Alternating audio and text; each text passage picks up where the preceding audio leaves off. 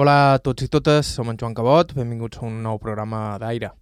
La Soledat, ja ho he dit en alguna ocasió, és un dels meus barris preferits de Palma. I encara que no sigui anat allà, José Melis podria passar per ser un dels amos del barri, entre d'altres raons perquè a prop dels 90 anys conserva una memòria prodigiosa de tot aquell redol. És que sap que de mal de contar la vida d'antes. Els meus germans i les meus germanes me diuen és que tu ets un celebro. Perquè jo ja he passat els 88. A més, en José es va casar amb na Jeroni Simonet, filla de Gabriel Simonet, que era una figura molt coneguda a la Soledat. Va ser vicepresident del club de futbol i era la persona a qui tothom recorria si tenia algun problema amb l'Ajuntament. A casa seva, a més, varen instal·lar el primer telèfon del barri i tothom hi anava a tocar. Una celebritat de la que sentirem a parlar més endavant amb més detall. També coneixerem les circumstàncies tràgiques, molt tràgiques, en què la família d'en José va arribar a Mallorca, fugint sobretot de la fam, perquè ell és menorquí, de Mó en concret, i ella va viure els terribles dies de la Guerra Civil. Estau escoltant Aire a IB3 Ràdio, vos parla Joan Cabot. Començam.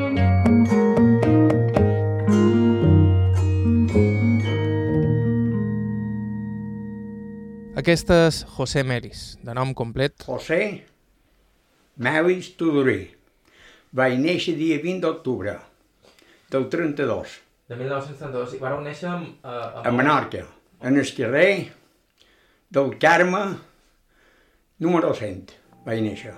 I va néixer just a temps per veure caure en desgràcia son pare, que llavors tenia un negoci de taxis i li ho prengueren tot. El papà tenia en aquell entonces dos cotxos que feien els taxis, no com ara, que els taxis van pintats i van tot això. Llavors venien a cotxos particulars. I, i degut a la guerra, prengueren els cotxos en el papà, mon pare, i ell va posar a manar cavalls i vistis que el seu pare, el predí, tenia l'assumpte de cavalls i carros. El predí era anat a Ciutadella i mon mare a Menorca, a Mó. I com se van conèixer els vostres pares? Perquè ell feia el que s'usava aquell temps, amb una galera, feia el transport de Mó a Ciutadella, amb quatre cavalls.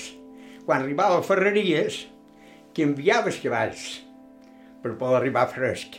I, clar, cada dia anava i venia de Menorca a Ciutadella i va conèixer ma mare, el que passa amb els nòvios. Mon pare va agafar el que li feren a ell, ho va agafar molt malament, perquè estem que mon pare va haver de tornar al servici.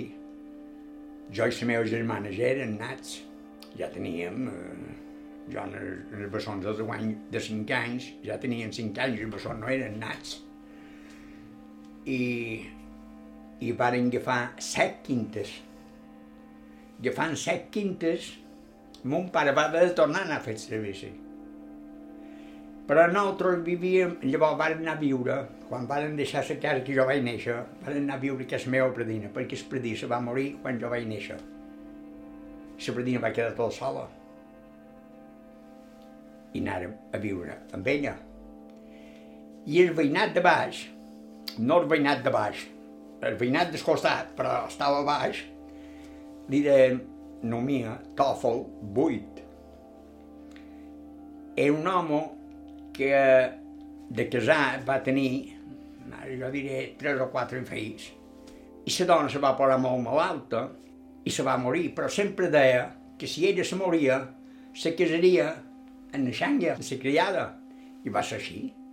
Se va morir, se va quedar amb la criada i va tenir en Pedro, en Tobal, Nanna i na Juanita. Tres o quatre. Eh? Ell era jefe principal del magatzem del subministre d'intendència. I a mon pare li va dir, Bial, no passis pena, vas en el corter, però jo te passaré eh, en el forn i mon pare va passar en el forn del castell de Villacarlos, de Mó. Estiguent allà, com que no hi havia pa, jo cada dia anava de Mó en el castell. I anava, que tenc que dir, jo era Hi havia 3 quilòmetres, però no hi havia autobuses, ni hi havia bicicletes, ni hi havia res. Andando. Arribava allà, me posava una porta que ja encara ara és, si no l'han llevada. Mon pare sortia, me donava quatre xuscos, i jo cap amunt. O sigui que he pelegrinat molt. I en el vostre pare li van llevar els dos cotxos, el van fer tornar al servici Exacte. i després... Ah, i tots els dobles que tenia, dolents. O sigui que si fa... volia comprar la cotxeria que tenia els cotxos i els fills de damunt. I ma mare li va llevar les idees. I llavors els germans dobles no van servir. I ell ho va posar tot dins el cap. Bueno, molt bona persona, però no li fessis una perquè li pagaves, eh? Tenia genió com el meu germà Biau. Prontes. A més, Maó va tenir l'atreviment de resistir fins al darrer moment i va apagar-ho en la intensitat de la repressió posterior. De fet, alguns dels germans de sa mare varen acabar a la mola i en José recorda perfectament les visites a la fortalesa i els desastres que es feien allà. No varen poder entrar allà. Allà varen entrar quan Barcelona mos va dir a rendir vos que nosaltres estem rendits. Barcelona, Mallorca, tot estava rendida. Menorca no se va rendir, perquè no podien entrar. Ja encara és que no gros, que quan esperaves que no, gros, que ho esperaven un pic cada quant. Els vidres de Mallorca se rompien. No ho sentia contant això. Això. No, no quedava cap vidre. Varen mollar aventura, desesperar, eh, dir jo, dues vegades o tres, en totes tentes a guerra.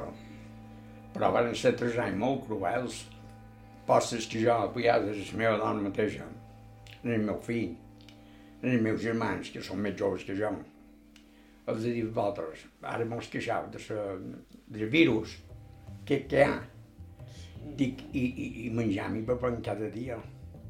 Ja ho sé que hi ha gent que està molt malament. Dic, però dic, jo he passat més malament que això. Això, de vora jo, és una, és una riera. Van arribar a geure dins una cova que està a davant la plaça del peix. Allà és encara aquesta cova, existeix. Allà, perquè si no, avions quan venia el bom i, i, i, i la sirena i era un desastre. I la meva família, que és molt bona tota, perquè ja m'ho fa comptar, jo no puc comptar. Jo tenia set anys quan jo anava amb ma mare a la mola. Allà jo veia matar. És que no, no eren d'en Franco, no sé com és això, però allà mataven cada dia, mataven sis persones. I jo ho, veia. Com és que d'infant hi anàveu? Com Perquè hi havia germà de ma mare, dos, tancats a la mola, que no els varen matar. I ma mare li una seneta i els duia a menjar. I veieu com mataven a la gent? Sí. Anàveu? Sí, o sigui, no veia el moment que els mataven, però veia els homes morts, els havia morts, i en mataven sis. Devia ser una imatge dura per un Sí. nen i, i per una Bueno, mà, per i, un per, nen, i, per una, ger, que- i per una germana que tenia dos germans allà tancats. Devia, devia passar molta pena. Sí. Ma mare em va passar molta, perquè tots, ja no puc dir, família de ma mare és molt bona. Tothom vivia amb ma mare. Tots eren fredins. Tios eren fredins tots. Mon pare i ma mare vaig va, tots els germans. Això va ser després de la guerra. Llana, fred, sense roba.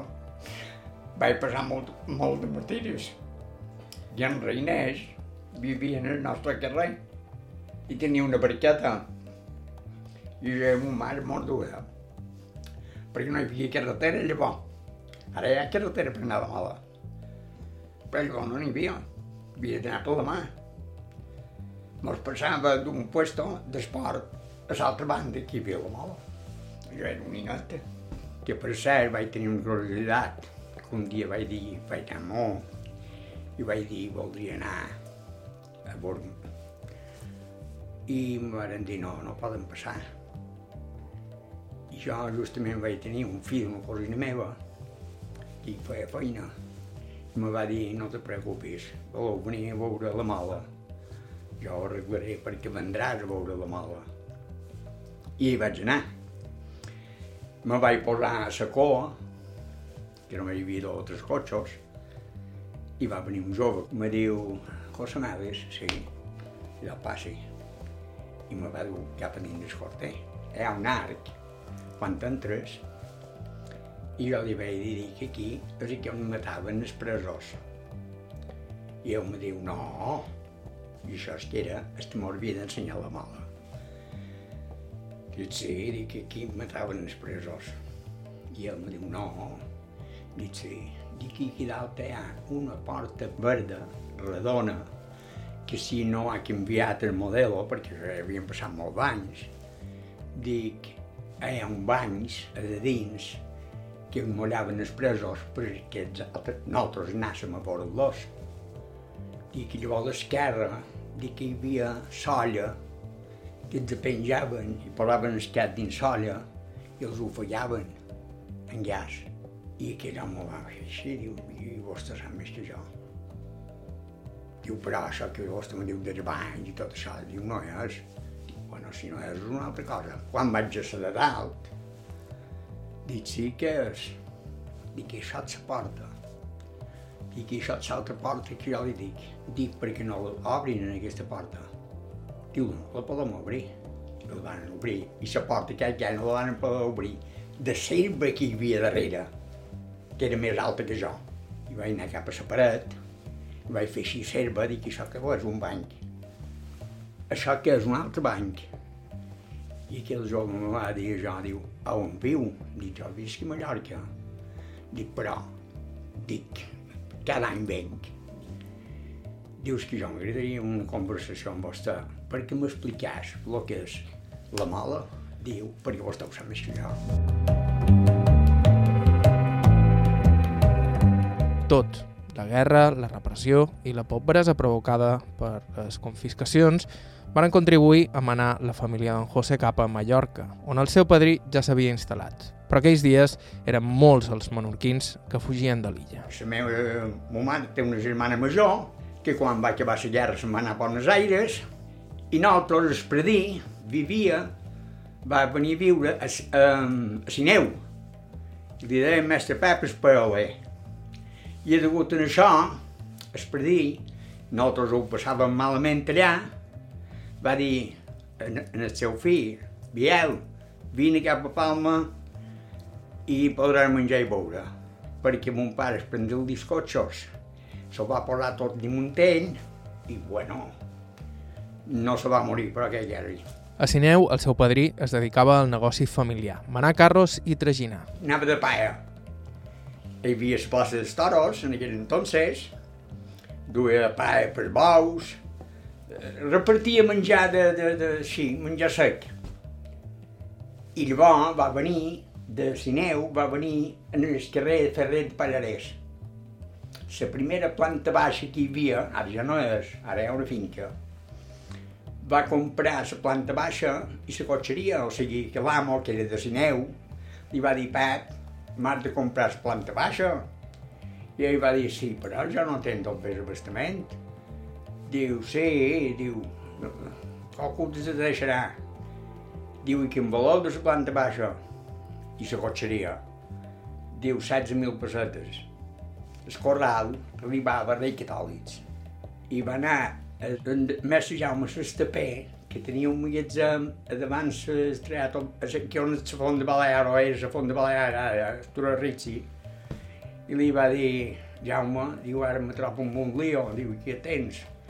diu que me venen la casa i la cotxeria, diu, però jo només tenc 7.000 pessetes i me'n demanen 16. Diu, és, en teniu-la ja els me tornaràs. I va comprar la banda baixa i la cotxeria. I llavors va armar carros i bicis, que era el seu.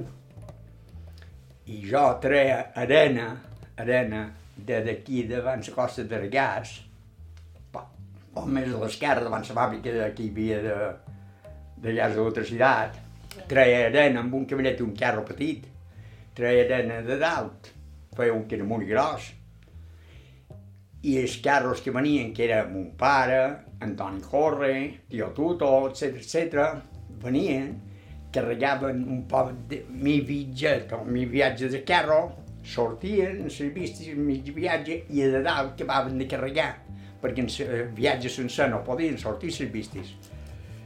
I jo vaig fer un pot de vida d'aquesta, i era un nen, feia les senetes mitges perquè no te podia parar plena de puntes, carro.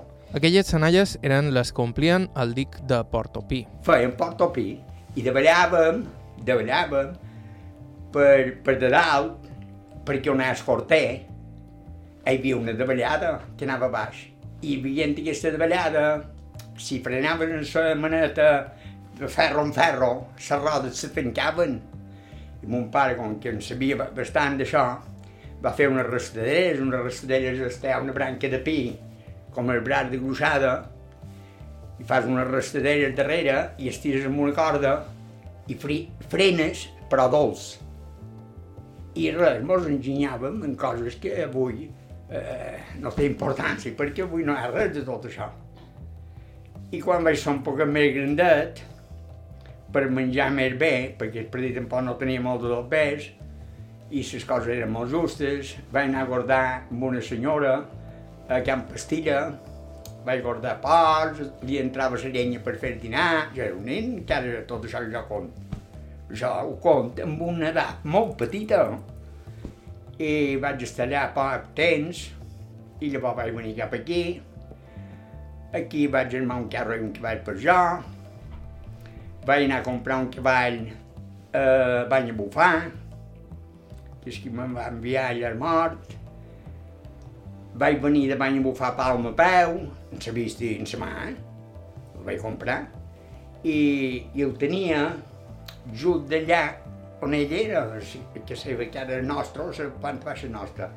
A darrere hi havia una cotxeria, perquè jo l'única cosa que no he vist fer eh, a la barriada és la torre. La torre ja la vaig veure feta. Eh, els reis catòlics i tot això que jo estic dient, hi havia el safareig, a darrere que seva hi havia el safareig, de sort, de quan regaven i tot això. I en aquest carrer, en el final, a la dreta, també hi havia un altre safreig que regaven tot el que són les viviendes, però llavors de terra. I llavors dissabte jo coia els fens, els duien aquests ors i me donaven un meló, me donaven una síndria o me donaven una cosa altra. Seria gràcies en aquesta cotxeria que coneixeria a la que després seria la seva dona. Tots per abeurar la visti. Dic que aquesta cotxeria, entre jo mateix vaig dir, dic, llàstima, és que la vida estava fort, només era puesto per però no té aigua. I vaig alçar el cap, vaig votar, vaig votar no, vaig goitar paret, i era que seva. Siguent que seva, que jo no la coneixia en aquest entonces, vaig dir a son pare, dic, mam, don Gabriel, dic que vostè no me donaria per fer un foradet aquí a la paret i agafar aigua per la vista. Sí, sí, sí, no fotria més. I me van donar aigua i aquí vaig tenir relació amb la seva filla, l'única que té, i fa 65 anys estem junts. Era José Melis Tudurí, nascut el 1932 a Maó i emigrat a Mallorca poc després de la Guerra Civil.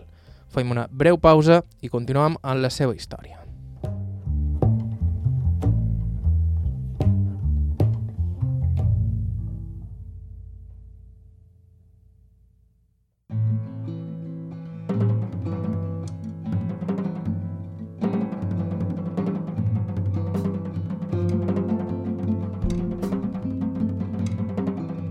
Hola de nou, vos parla Joan Cabot, això és Aire, i el protagonista del programa d'avui és José Melis Tudurí, nascut a Menorca, a Maó, el 1932, just abans de la Guerra Civil. Una guerra que va ferir fort son pare, de manera que la família, de set membres, es va traslladar a Mallorca per fer feina i més feina, sempre traginant amb el carro i anys després en camions.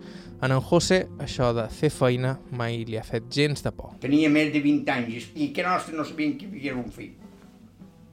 Però jo sempre estava damunt la feina. Sempre feia feina. No feia res més, més que fer feina. Quan vaig anar al carro, ens aixecàvem a les 4.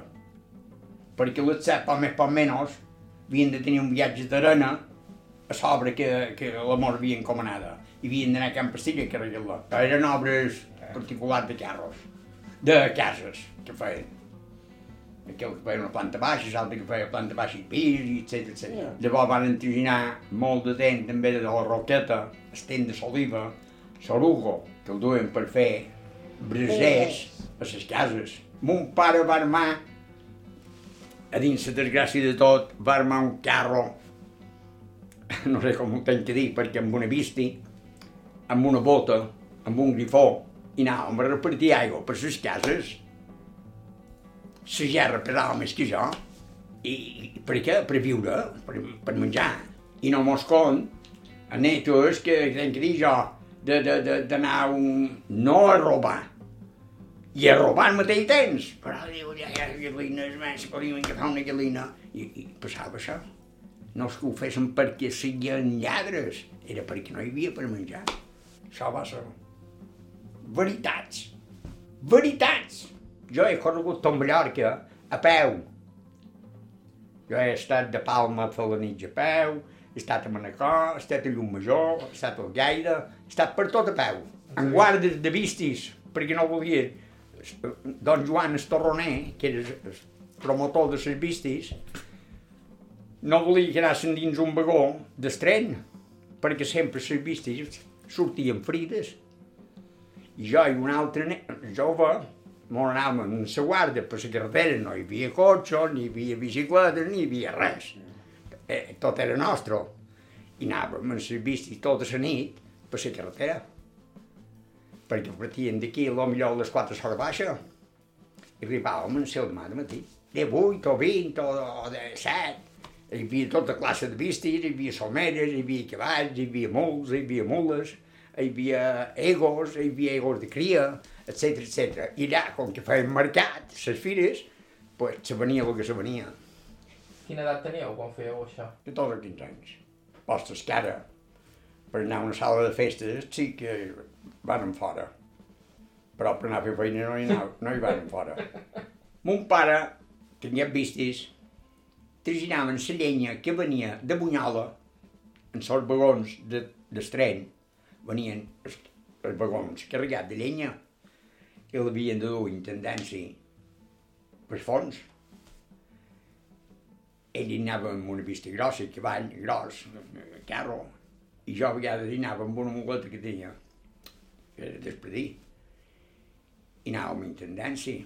Eh, mon pare va dir, per dur la llenya a la serradora d'en Dols, això mateix, d'en Dols, les vistis de la plaça de les columnes a la plaça Peu Grau, que la serradora estava junt de la plaça Peu Grau, no podien passar de clots i fang i aigua, hi havia un desastre. I posaven dues vistis, jo contava la de davant, que era un lotet, i ell, a la darrere, passava amb el carro, i ho duia a la serradora. Llavors me'l van dir que havien de dur llenya, intendència, ho duíem intendència, arribava a la plaça d'intendència, feien la volta i entràvem.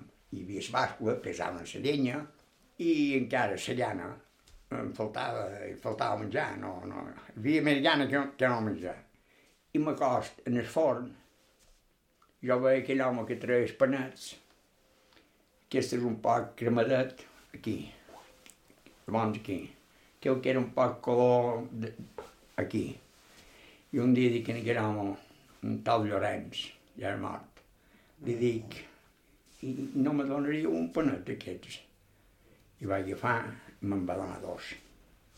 Quan vaig anar a descarregar, que anava just deu passes avall, hi havia en, jo, en Jové, en Robé, i veia tots aquells que repartien la llenya en els soldats, que deien, dic que li dugués oli, que eh, llenya i que li dugués coses d'aquestes, l'assistent o no sé què se deia bé. I jo anava allà i regava soli en soli, menjava aquells dos panets, això. Això vaig menjar panets bastanta temporada. Un dia, uns amics més seus que meus, en Pep i na Paquita, mos diuen, no, nita, mos convida a una paella i havien fet una caseta a la carretera de Sineu, en els 21 quilòmetres clau. Ni un més ni un menys, ni un metro més ni un metro menys. Eh, heu de venir. Molt bé. I anàvem cap allà. quan per allà, quan vaig l'amo de la caseta, dic, on de jo que estem al con aquí, no sé d'on, però això ja havien passat més de 25 anys, o 30. Bé, ve la paella, fan la paella, menjant paella, i al final, seguint el poste o no sé on va ser, que li dic, i aquell home dic, me, mos fareu una pregunta. No ho vist mai. Ho vist, però no, no sabia que ho havia vist. De què feu? Diu, jo. Diu, de forner. Dic, què feu de forner a intendència? Diu, sí. Dic, eres qui treu el pa, l'enfonyau i fa això? Diu, sí. Dic, jo m'ho he reconegut. Dic, però vos no me coneixeu, eh, a Llorenç? Diu, no. Dic, no hi havia un nin que mos demanava sus coses de dins cobo. Dic, més cremadets. Fa així, diu, sí, que me recorda això. Dic, i dos són jo. Jo ja he casat i tot. Sí, ja.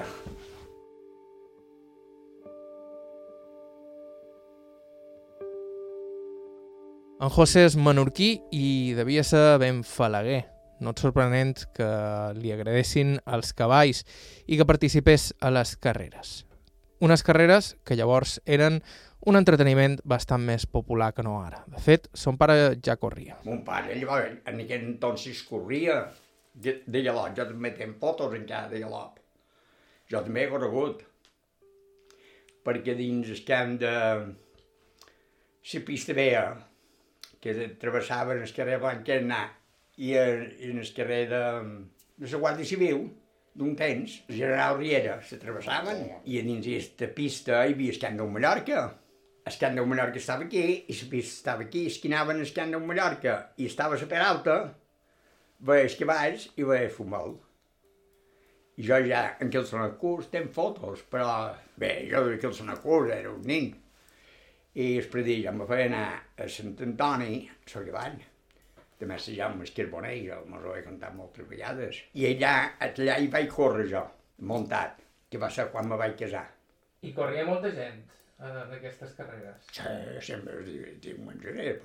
I llavors d'allà van llevar l'hipòdromo, van fer finques, i ho van fer, van fer l'hipòdromo a davant la loqueria. Llavors a la loqueria també van fer coses i van fer son pare i son pare de sant. Ho sé quan de, de clau du jo un peu d'un visti. Du set, set claus, tres a, les, a la part de dins i quatre a banda de fora. I, i, quan de, de fora, perquè a vegades han xerrat així, jo a vegades dic, no veus aquí les càmeres de davant que duen una medalla, que no hi tenen pèl, tots els cavalls, eh? no un, tots, aquí i aquí. I a vegades diuen, i això de què és? I això és de quan està dins sa mare. Això són els dos ulls que estan ferrats aquí. No, i llavors cavalls ja diuen un ego bona guanya un cavall bo. I és cert. Però per cada ego que surt que guanyen els cavalls, surten 20 cavalls bons. Ara l'ego que surt bona, guanya en aquests 20 cavalls. Vi un ego, la Casa Blanca, li deien Síria, amb un ull menys. Era un crac. La darrera recta, si anava en so pelotón a darrere, però anava darrere en so pelotón, podies dir guanyat. Perquè la treia, i uh, ja era davant. Perquè tenia un ramat eh, que no, no acabava mai. Tens, hi havia molta Joan de. Santanyí, el cavaller que tenia, era mandarín, era pura sang. Era el més fill que hi havia dins les carreres. Va morir a damunt la pista. Va morir a damunt la meta. Va guanyar i va morir. Va fer un excés. Perquè és que, va, no és una cosa que dius no, l'has de saber conservar i, i saber fer-lo arribar sense, sense perjudicar de res.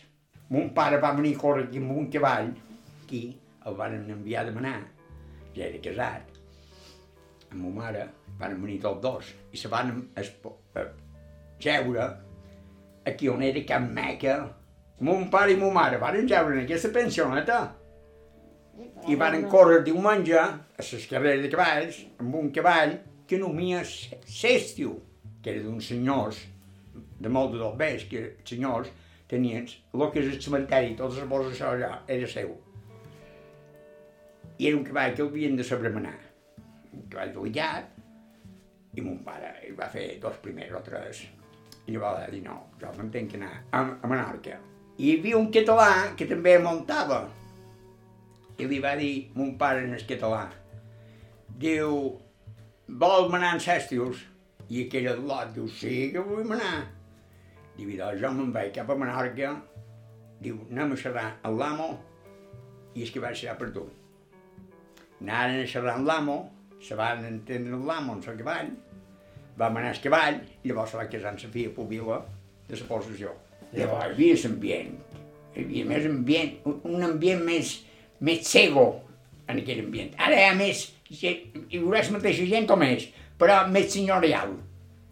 Llavors era més de treballadors i llavors hi havia, hi havia les gloses que quan sortien les carreres que anaves, anaves a Can Maganet, a zona de Can Maganet, i a Can Maganet, i allà hi havia les xispes, com el futbol, però eren els cavalls.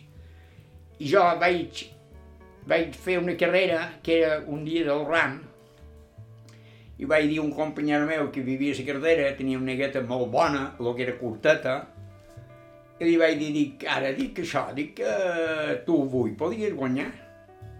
Me diu, no, era un poquet misteriós. Diu, no, no, no, no, no puc guanyar mai, diu, seguet és curta. Dic, escolta, dic jo, és difícil guanyar. Dic, perquè jo me dono 70 metres a tots. Dic, però, si tu penses guanyar, jo t'ajudaré. Perquè jo, si tu vols guanyar, jo, a la primera recta, passaré a tot el grup. Llavors el te frenaré i tu fas la teva via, que surts la primera tu. I l'assumpte va sortir bé. I va guanyar. Guanyant, claro, eh, no mos tapaven el gol en les alçades.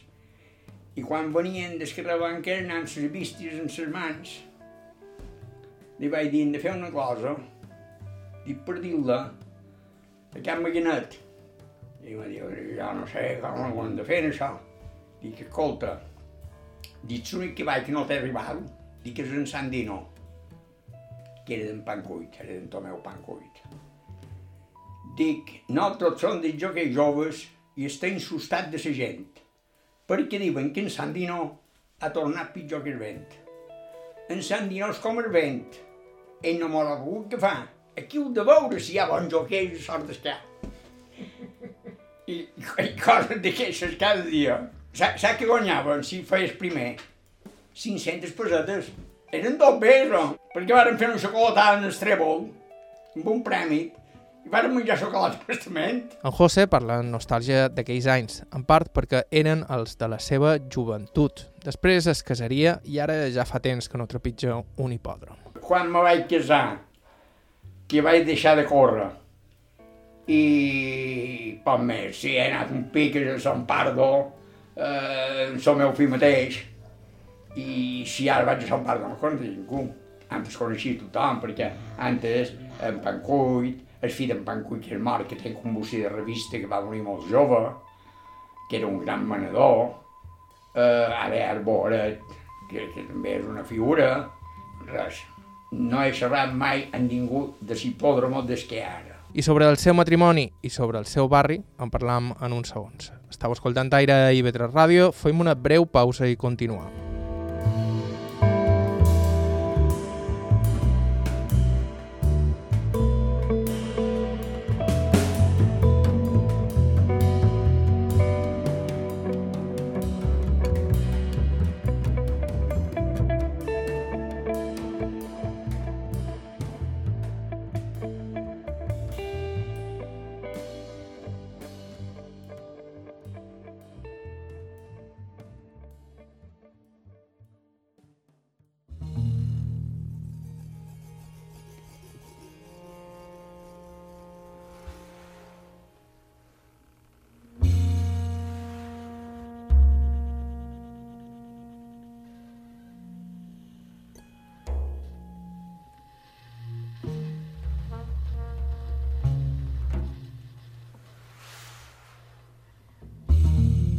Hola a tots i totes, estàu escoltant Aire a IB3, som en Joan Cabot. Abans de continuar amb el programa d'avui, Us recordam que la millor manera de no perdre's cap dels nostres programes és subscriure's al nostre podcast. Ens trobareu a qualsevol dels agregadors disponibles i que podeu també escoltar aquest i qualsevol dels nostres programes anteriors a ib3.org barra carta.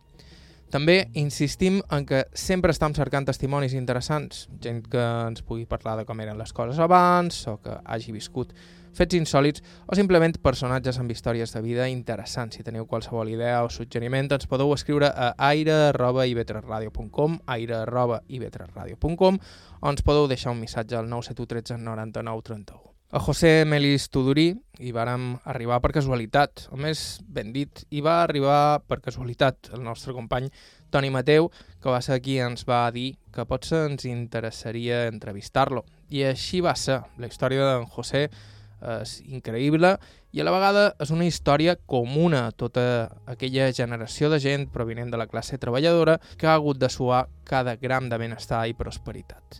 I com en José, tota la seva família. Perquè tots hem estat treballadors, els meus germans també, eh? els meus germans només han estat a mi casa. I tots han fet feina. Feina grolera, perquè jo vaig fer, he fet feina aquests anys en la feina més bruta de Mallorca. I si tornara a néixer, hi tornaria. Quina és la feina més bruta de Mallorca? Traginar merda. Clar, consejo, jo he estat 39 anys a Campet de la merda. Fem una fullana, que són els camions que ara circulen. Perquè la Montpep és anat a la punta, el carrer, el camí que era Honderos, el camí, la carretera que anava llum a jo. Quan eres a l'endret, d'antes d'arribar al coll d'en Rabassa, antes d'arribar, hi havia un desvió, coll d'en Rabassa i cap a llum major.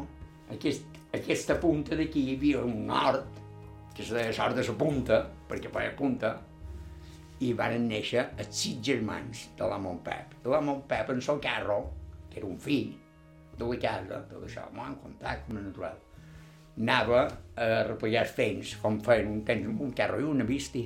No és com ara, ja els camions. I allà li varen dir, i no me buidaries el clot de, de s'excusat? I ell va dir sí, i aquí va començar, ha fet, va fer dos vells i va fer molta feina, perquè dormia de dret, i jo que hi hagi també, perquè moltes vegades jo venia aquí, això era el meu llit, me tombava i José són les 10 al vespre.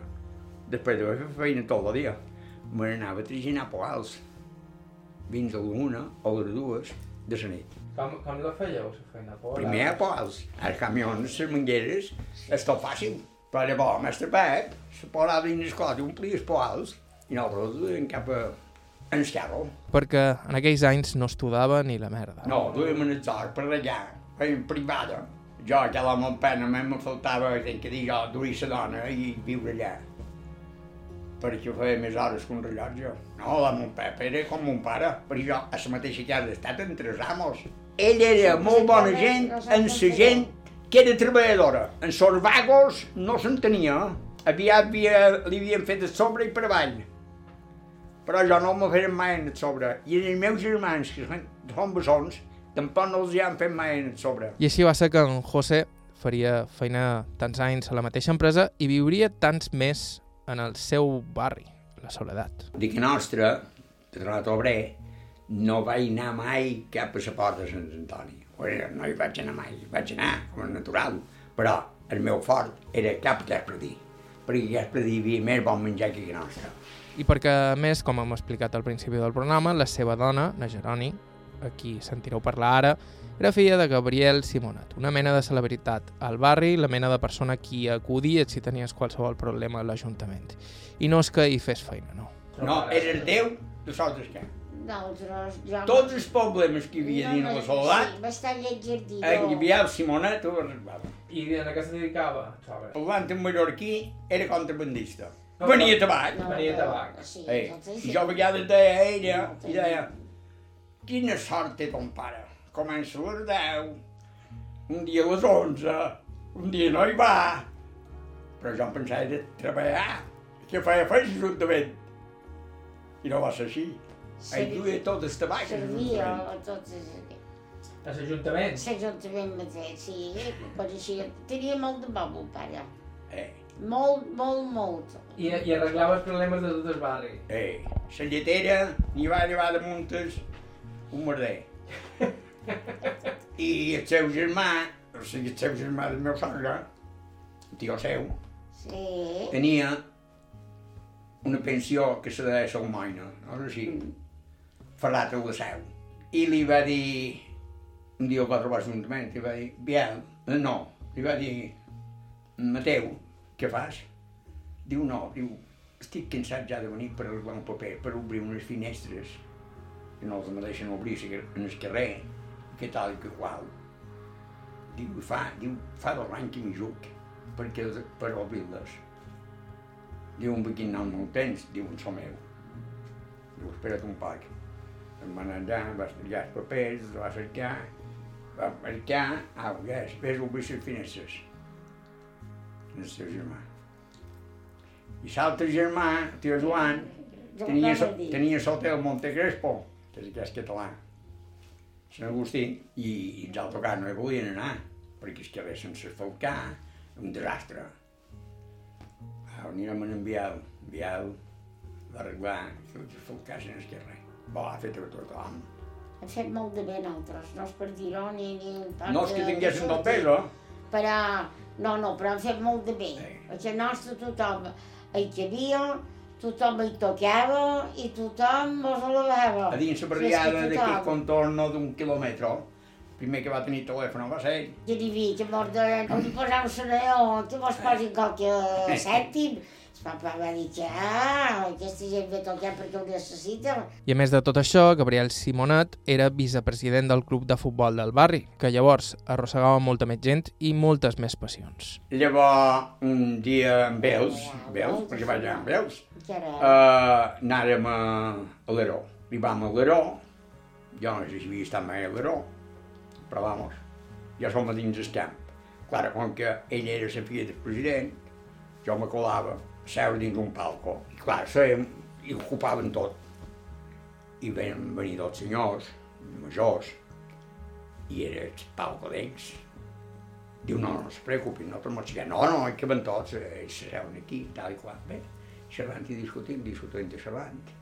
Ve un moment que el soldat va empatar el partit o una cosa així, i jo vaig dir, dic, dic que és que el soldat era guanyador perquè juga més bé, etc. No sé què vaig dir, una cosa així, que el senyor s'aixeca per acompanyar el meu sogre. I jo vaig fer així, dic, ah, vinga, deixa-ho anar, això. Tu. I vaig tenir tan, tan mala sort que la paret era així. Ell va fer així, com que era major, i va pegar el. Oh, en Déu, bona cosa va haver fet. Vaig agafar cametes i vaig partir i vaig anar a la porteria de baix, la banda de Palma, que diguéssim. Era alta paret, però no la vaig tocar. Vaig caure dins el cementeri.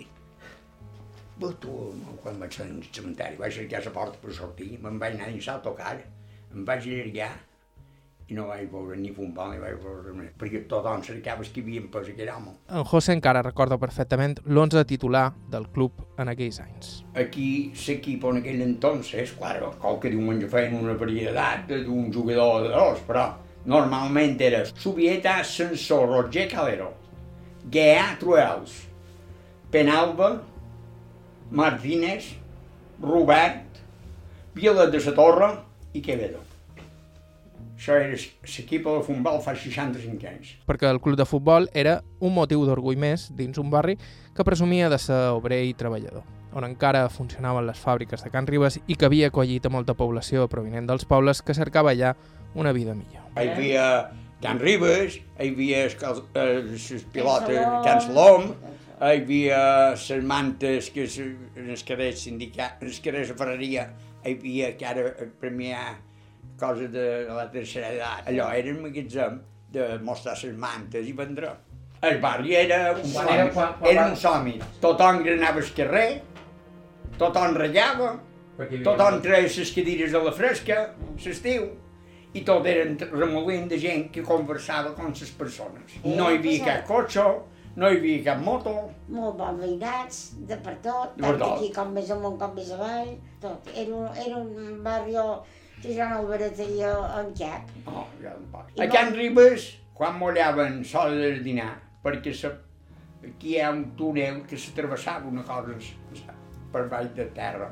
Aquí devien sortir, jo no ho sé, però aquí jo crec que quan sortien a, le- a les 12 per anar a dinar, perquè s'acostuma era a les 12 anar a dinar. Jo crec que devien sortir 300 persones, 400. Molta gent. molt- Molta gent. No, sap de veure gent que sortia tothom, fe, feina. Tot, que tot eren dones, perquè la filla de mestre de mestre Jaume, Aquí en Salom ja hi havia més mescla, homes i dones, sí? però aquí en Ribes hi havia moltes dones. Moltes dones. Moltes. La majoria de dones eren. i això, el carreter de Can Ribes duia un uniforme babero, color de caqui, que era el que transportava les mantes cap als carrers de Ferreria. Pisos, De- de hi podia haver, hi podia haver quatre o cinc pisos a l'aire, diguéssim. Un primer pis, eh, com aquest, Sí, com aquesta gent. Més amunt no n'hi havia. I llavors hi havia qualcuna de tres, que és aquí en Balo, va ser de tres. sí, però ja va venir molt més cap aquí. Ja, ja anàvem més a lo modern. Bé, però també és aquí, que aquell no sé Sí, però a Can Bala, quan hi havia la peladora de, de, de, de, les meldes, que hi va morir eh, aquella Sí. dins les meldes per mort del gas, Sí. eh, jo carregava en el carro i carregava meldes, vamos, meldes, l'escova de meldes, i els duíem en el molinar, que feien esperit. perquè en José i la seva dona han vist fer-se aquell barri que és ara la Soledat, però quan ells s'hi varen instal·lar no hi havia ni tan sols la ja desapareguda pista de patinatge. Oh, no existia quan jo parlo d'això. Hi havia, varen Sí. fer Sispània. Jo ara no recordo quin any era que ho varen fer, però varen fer Sispània. Llavors varen fer Metropol. Llavors varen fer Estrèbol. Llavors varen fer Rosales. Llavors varen fer, perquè des més a prop de per aquí, l'únic cine que hi havia més a prop era Fa- el Fantasio. Bé, però ja també era d'anar... El Fantasio. Sí. Antes de Xispar hi havia d'anar al Fantasio. Lo que era antes. Antes hi havia Son Coc. Hi havia Son de Dolet. Hi havia set o vuit noms. I ara és tot un. Però la Soledat feia partions en carreteres. La part d'aquí era la Soledat. Hi havia tres o quatre famílies. Hi havia els olivers. Que em parlava dels olivers, n'hi havia per tot d'olivers. Parlaves de, de què que eren piquipreders, de neus, n'hi havia per tot de neus. Parlaves de cantanos, hi havia per tot de cantanos, cantanos a Rosales. A Rosales era un planter de, de cal, de, de, de, de preves, de cireres, etc etc. No era Rosales, llavors. Era terra.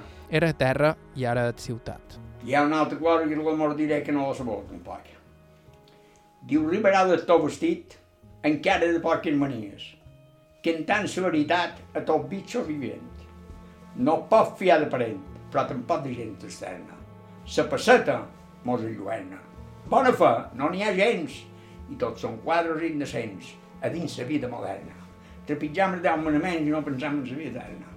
Què hi deus en aquesta? Que no, que no la coneixia.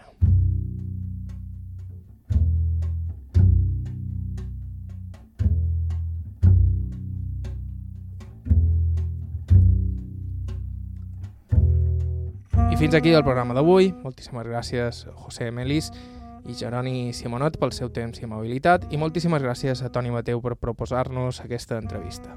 Si voleu suggerir-nos algú per entrevistar, ens podeu escriure un correu electrònic a aire.ivetresradio.com aire.ivetresradio.com o deixar-nos un missatge al 971 13 99 31. Us podeu subscriure al podcast d'Aire a qualsevol dels agregadors disponibles i a ivetres.org barra carta hi trobareu aquest i tots els nostres programes anteriors.